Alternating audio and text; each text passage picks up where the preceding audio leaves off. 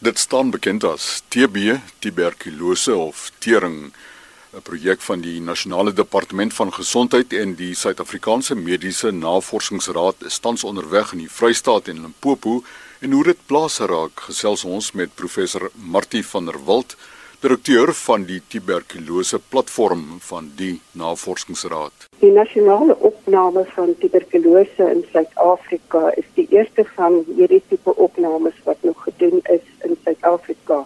Ons kyk na die voorkoms van tuberkulose reg oor die land en dit is 'n teenwoordigende monster van alle Suid-Afrikaners. Hierdie opname is nie deel van die departement van gesondheid of die gewone provinsiale departement van gesondheid en die gesondheidsorg wat hulle deur die klinieke aanbied nie.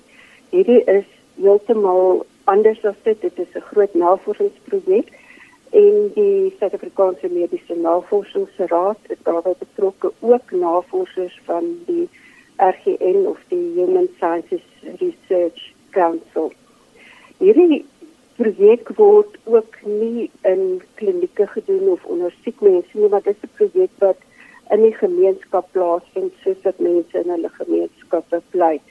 Ons sal dan ook waar ons in 'n gegee area betrokke is, sal ons ook die mense van huis tot huis of woonplek tot woonplek kontak uh, en hulle toets vir tuberkulose ons is nou heidaglik besig met die meer landbougerigte provinsies in die land soos Limpopo, Mpumalanga en Noordwes en dit is baie belangrik dat byvoorbeeld die georganiseerde landbou bewus is van hierdie navorsing wat aangaan.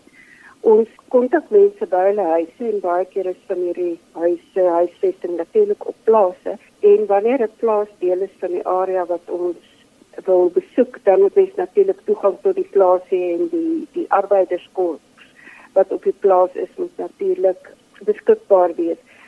Dit is belangrik dat ons deur die georganiseerde landbou werk, want ons moet toegang hê tot die werkerskorps en die werkgewers van baie mense moet natuurlik bewus wees hiervan.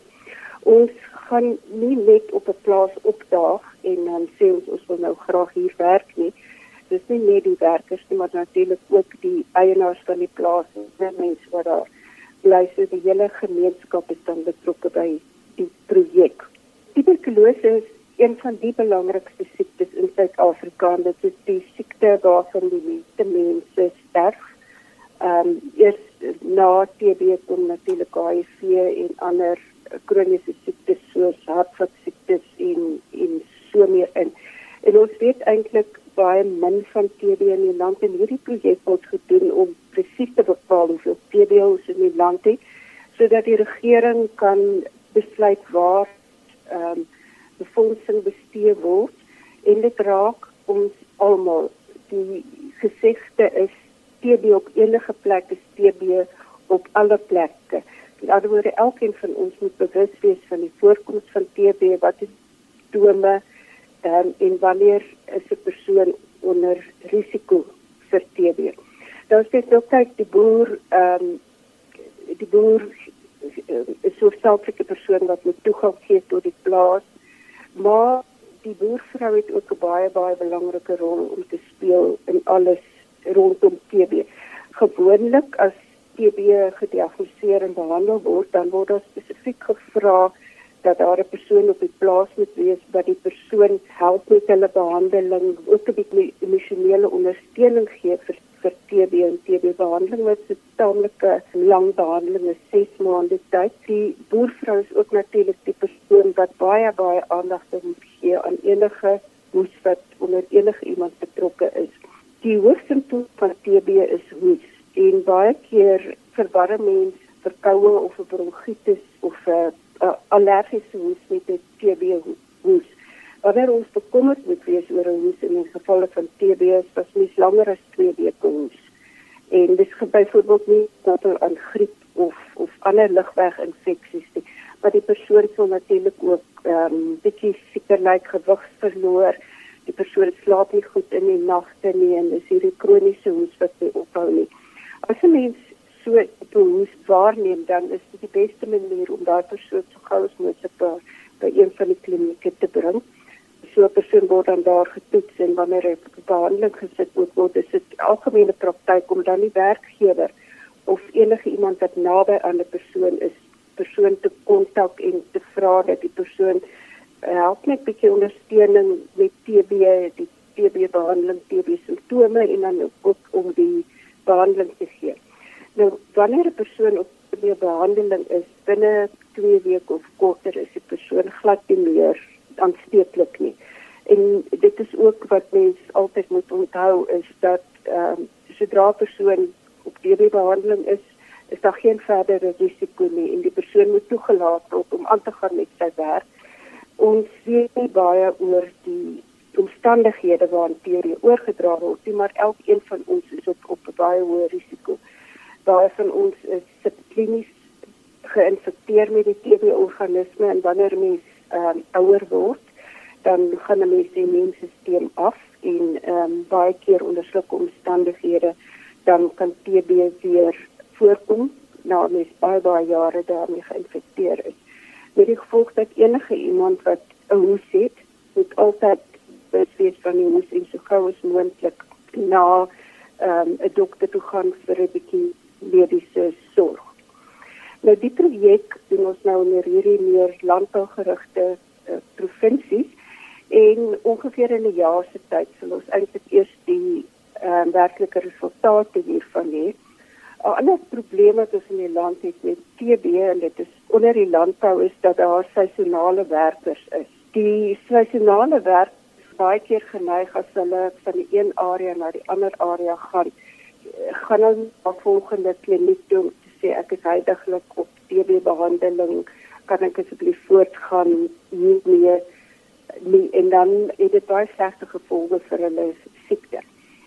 Nou TB het nie altyd 'n baie goeie naam gehad nie, dit staan ook bekend as stering of tuberkulose. Maar die behandeling daarvoor werklik baie goed. Die behandeling is 6 maande en die pille moet net elke dag geneem word, 7 dae van die week. En dit is baie keer baie moeilik om so getrou medikasie te drink. As 'n mens nie die medikasie so getrek nie dan kan mens natuurlik 'n baie meer antibiotika bestande vorm van TB kry wat dan is die behandeling baie langer, partykeer meer as 'n jaar. En as daai behandeling ook nie heeltemal reg geneem word nie, dan kan mens naderhand vir 2 tot 3 jaar op behandeling gaan. Die behandeling is werklik goed. Binne 2 weke behoort 'n persoon nou er um, aansteeklik te wees nie. Uh, mense tel op baie vinnig gewig op na hulle op die behandeling gekom het. Die hoes kan nog 'n rukkie aanhou, maar die persoon sal nie meer kan aansteek deur die hoes nie. TB is ook nie 'n siekte wat mens kan kry deur byvoorbeeld soos verkoue op oppervlakte soos 'n lesenaar of so plek nie. Dit is alleenlik 'n siekte wat deur die lig oorgedra word en direk van een persoon na die volgende persoon toe. Tuberkulose het ongelukkig nog 'n baie groot mate van stigma rondom dit. Heel moontlik omdat daar ook die die HIV of die HIV komponent is, maar wanneer 'n mens TB het, is dit nie te sê dat die persoon ook met die HIV virus besmet is nie. Terselfdertyd as iemand um, met HIV besmet is, beteken dit ook dat die persoon HIV het nie. TB is wat eintlik wanneer ehm um, die individu ehm um, onder stres is of wanvoeding of ehm um, die immuunstelsel geaffekteer is. Dit is wanneer TB as 'n siekte ehm um, sy vastrap plek kry dan die siekte veroorsaak. TB word ook nie geassosieer met vuil toestande nie. Dit is nie 'n swak higiëne oorgedra word nie. Sodra ons iemand diagnoseer met TB of voel dat die persoon eintlik verdere mediese sorg is, dan verwys ons die persoon daar na die provinsiale of distrik kliniek toe, maar ons gee ook onmiddellik die persoon se kontak en um, besonderhede vir vir die klinieke en hulle moet dan ook die persoon probeer opvolg en op behandeling sit. Dit behoort 'n 2 of 3 dag proses te wees Martie dan het jy ook verwys in die begin dat jy op die oomblik toespits op die noordelike provinsies wat van die res van die land. Ons is nou al klaar met KwaZulu-Natal, die Oos-Kaap, 'n gedeelte van die Wes-Kaap en ook in Noord-Kaap en die Vrystaat. Ons doen oor die algemeen die projek of die opname onder 55000 mense van wat ons noem volwassenes van 15 jaar en ouer. Ons het maar net besluit om van KwaZulu-Natal af in 'n klokgewyse proses deur die land te werk. Daar is ook sekere um, metodes wat ons moet gebruik of prosesse wat ons gebruik vir die meer plaas gemeenskappe en, en wat ons nou nie noodwendig in die meer stedelike areas moet gebruik nie. Ons moet hier met um, ook natuurlik die georganiseerde landbou saamwerk en die landbousektor moet bewus wees van hierdie projek. Ons werk baie nou saam met hulle so dat hulle vir ons kan sê wat is die beste manier om byvoorbeeld op plase trokke te raak wat is met ander woorde WhatsApp groepe en daai tipe goed wat dit vir ons baie makliker is om om te kommunikeer met die gemeenskappe.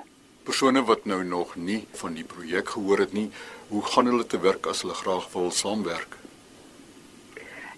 Ek is beskikbaar by die kantoornommer 012 339 8550.